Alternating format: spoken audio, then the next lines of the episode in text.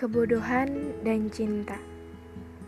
Banyak orang yang bilang, katanya orang bodoh sama orang jatuh cinta tuh bedanya tipis banget. Pernyataan tersebut nggak sepenuhnya bener sih. Tergantung gimana kita ngelihatnya, terus juga tergantung gimana kita ngerasainnya pas kita lagi jatuh cinta. Ya wajar aja toh namanya juga kebebasan berpendapat, bener kan?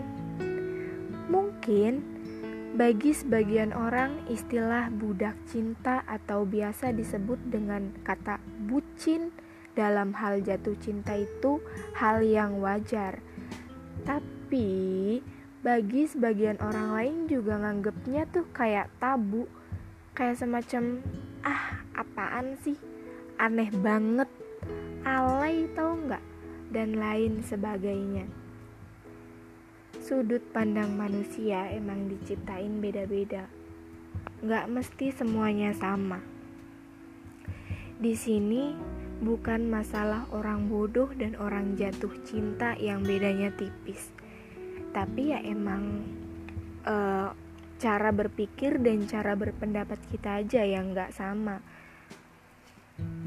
tapi juga kata bodoh dan cinta itu bedanya tipis tadi nggak salah-salah banget sih. Karena apa? Ya karena kita lihat dari kondisi lapangan sekarang aja. Sering banget kejadian manusia bunuh diri cuma gara-gara patah hati. Terus ada juga yang sampai bunuh membunuh cuma gara-gara cemburu buta. Aduh, bodoh banget gak sih manusia? Ya Allah wajar kalau ada pernyataan bodoh dan cinta itu bedanya tipis. Sebenarnya kodrat cinta itu suci, tapi kadang hasrat aja yang sering membuatnya terkontaminasi. Buat kalian yang sekarang lagi jatuh cinta, please banget gak usah nambah stok orang bodoh karena cinta.